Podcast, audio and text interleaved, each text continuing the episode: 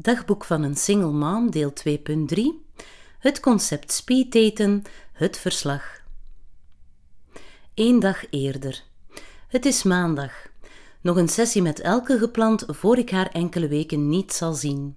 Ze polst hoe ik aankijk tegen het speeddaten van morgenavond. Ik kan geen specifiek gevoel benoemen. Ik citeer vriend Weda maar. Niks te verliezen, kleine, zei die ben ook wel bang geworden om enige verwachting te koesteren. Volgens elke moet een man die mij aandurft stevige ballen aan zijn lijf hebben. Hoopgevend wel. Wanneer ik haar lachend vraag of er nog wel een vis in mijn vijvertje zit, antwoordt zij: Dat durf ik niet meer te zeggen hoor. Psychologenhumor? Het lachen vergaat me. Elke wil me doen inzien dat mijn keuze om intens te leven bedreigend kan zijn voor de ander. Dat treft me wel. Ik stel mezelf de vraag: is het wel een keuze, deze intense manier van beleven? Is het niet eerder iets wat er altijd zat? Misschien was het een keuze om die gevoeligheden wat ruimte te geven en te exploreren. Maar wat was het alternatief na de crash? Weerstand had niks opgeleverd. De laatste jaren kwamen er maar twee waardige tegenstanders mijn richting uit. Maakten ook snel rechtsomkeer, maar dat is een detail, daar gaat het even niet om. Hoe snel en hoe voelbaar duidelijk zij erin slaagden om mijn interesse wakker te schudden, dat blijft voor mij nog moeilijk te vatten. Vooral omdat ik, ook heel snel en voelbaar duidelijk, wist dat het niks zou of kon worden. Elke overvalt me met haar stelling dat ik het potentieel zie in de ander. Sterker nog, het intuïtief aanvoel. Intuïtie is moeilijk te verwoorden en ik moet er zelf ook nog aan wennen. De realiteit is dat de ander niet altijd op dat potentieel gewezen wil worden. Ik weet waar ze naartoe wil. Ik druk inderdaad de ander met de neus op de feiten, zelfs al is dat niet letterlijk of opzettelijk. Ik voel herkenbaarheid aan. Ik herken in de ander fases die ik zelf heb doorlopen. Ze weken iets in me los, maar geven de ander het gevoel dat ik dwars door hen heen kijk. Het wordt moeilijk, al dus elke nog, om alles waar ik naar verlang te vinden in één man, waarmee ze niet wil zeggen dat ik er meerdere op moet nahouden. Ook de rest van ons uurtje samen zijn is weer heftig en dreunt gezellig verder in mijn hoofd de hele dag lang. Het is dinsdag, speeddate-dag. Voel me over het algemeen vrij rustig. Het merendeel van de dag loop ik me wel af te vragen waar ik aan begonnen ben. Is dit geen regelrechte aanslag op mijn zelfwaarde die zich nog op zeer wankele benen voortbeweegt? Vriend 2 is stipt op tijd, maar het begint al goed. File. Gelukkig is het niet ver, dus we halen het wel. Terwijl ik druk aan het kletsen ben met vriend 2, gaat mijn telefoon. Het is de dame die de avond organiseert om te melden dat iedereen gearriveerd is en om te vragen of ik op komst ben. En dat is het moment dat complete chaos toeslaat. Een vreed scenario ontwaart zich in mijn hoofd. Iedereen is er al, dus iedereen kijkt naar jou wanneer jij entree maakt. Dat zie ik nu voor me. Vriend 2 voelt het gebeuren en probeert me op te peppen. Ik stel hem gerust met de zelfkennis dat niemand aan mij ziet hoe gestrest ik werkelijk ben. Dat weet hij. De organisatrice ligt me in dat het voor elke dame een eerste deelname betreft. Dat brengt voor mij een zekere geruststelling met zich mee. De harde realiteit blijkt iets minder geruststellend te zijn, want ik word wel heel snel geconfronteerd met mijn minderwaardigheidsgevoel. Het staat me als het ware op te wachten bovenaan de trap in de vorm van acht vrouwen en acht mannen die het tegelijkertijd aangapen. Ik zeg heel vriendelijk goedenavond, terwijl ik diep van binnen o zo graag plaatselijk wil verdampen. Het merendeel van de dames is blond, niet één type sluit, al was het maar lichtjes, aan bij het mijne, en ze zijn dan nog allemaal flinterdun ook. Dit alles vind ik uiteindelijk niet het ergste. Ze zijn gewoon niet lief, dat is het ergste. Na het collectief staren draaien ze zich terug naar elkaar toe en praten verder alsof mijn aankomst nooit heeft plaatsgevonden, alsof ik niet besta. Daar sta ik dan, helemaal alleen, mij net heel erg bewust van mijn bestaan. Zo gemeen. Shame on you, ladies. Tijd voor het echte werk dan. De vrouwen nemen plaats en de mannen kiezen daarna een tafeltje uit voor de eerste date. Het is met zijn 35 lentes de jonkie van de bende die als eerste plaats neemt recht tegenover mij. Hij schreef zich deze morgen pas in, heerlijk impulsief. Hij is heel nerveus en geeft dat ook aan. Hij wijst me op mijn kalme uitstraling. Hij moest eens weten. Het is best een lieve jongen die graag lacht. Uiterlijk gezien is hij een van de twee mannen die me op het eerste gezicht opviel bij aankomst, wel vrij klein van gestalte.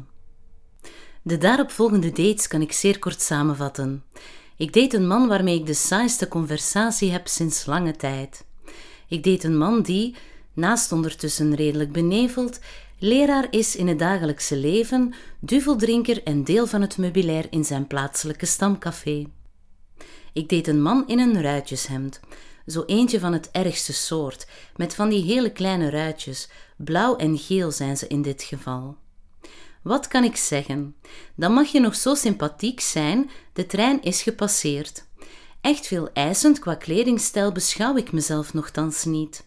Insiders gaan absoluut bevestigen dat er aan mij geen fashionista is verloren gegaan. Toch ontdek ik vandaag dat het een aandachtspunt is.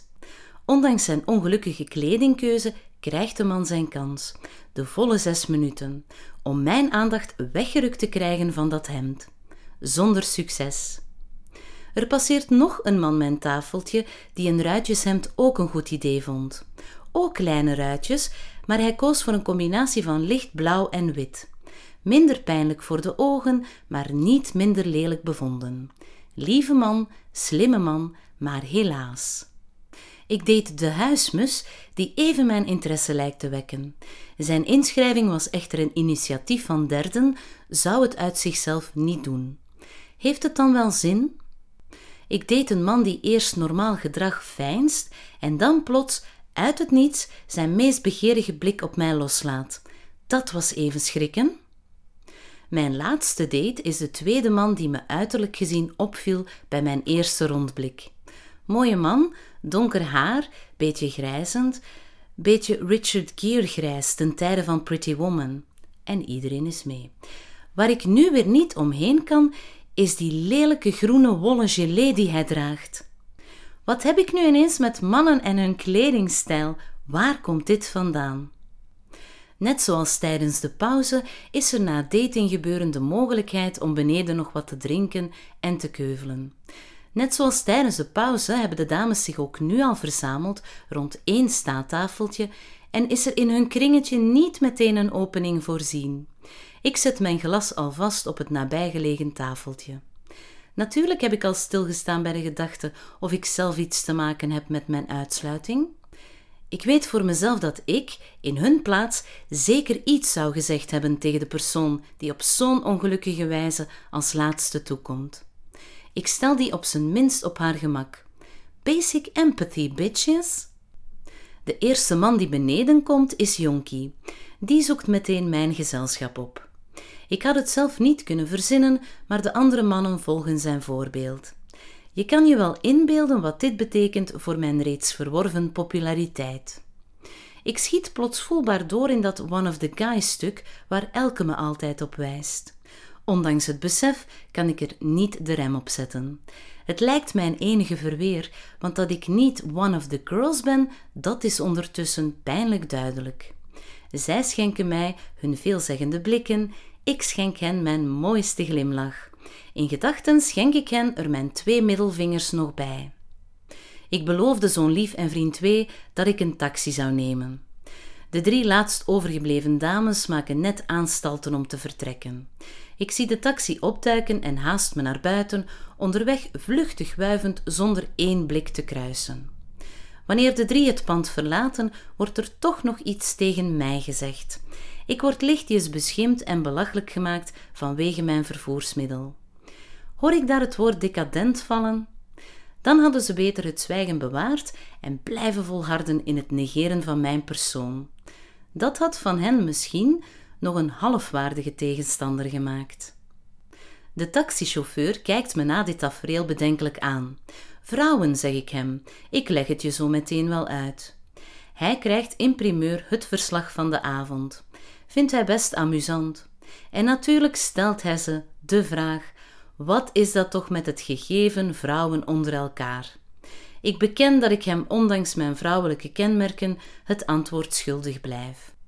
Ik slaagde er wonderwel in om het bestaan van mijn blog te verzwijgen. Zo trots op mezelf? De chauffeur maakt zijn interesse kenbaar, in de blog weliswaar. Hij wil dit verhaal later nog wel eens nalezen, dus ik geef hem mijn kaartje. Het zogenaamde matchen gebeurt achteraf, via een formulier in je mail. Daarop vind je de acht namen terug die je kan aanvinken in geval van interesse. Vloeit daar een match uit voort, dan ontvang je de gegevens van de ander. Ik vink twee namen aan. Er wordt één match bevestigd. Een paar dagen later krijg ik een mail met de melding dat mijn naam door drie mannen werd aangevinkt. Drie op acht, dat is niet eens de helft, dat weet ik, maar als ik erop terugkijk voel ik me niet echt beschadigd hoor. Eén op twee matches is dan weer wel de helft. Mijn enige match is Jonkie, niet geheel onverwacht. Het lijkt me leuk om wat na te kaarten over ons gezamenlijke avontuur. Ik kan niet wachten om een andere zijde van dit verhaal belicht te zien. Voor de rest maak ik me geen illusies. Denk niet dat hij degene met de ballen is. Maar misschien verrast Jonkie me wel. Om te beginnen zal ik proberen om vriendjes te worden met hem. Dat lukt nog wel, denk ik. Het moet wel klikken natuurlijk, want anders wordt vriendschap sluiten wel heel moeilijk. Dat is met de liefde niet anders. Ik heb besloten dat ik ze eventjes parkeer, die liefde. Een waardige tegenstander vinden vergt tenslotte tijd.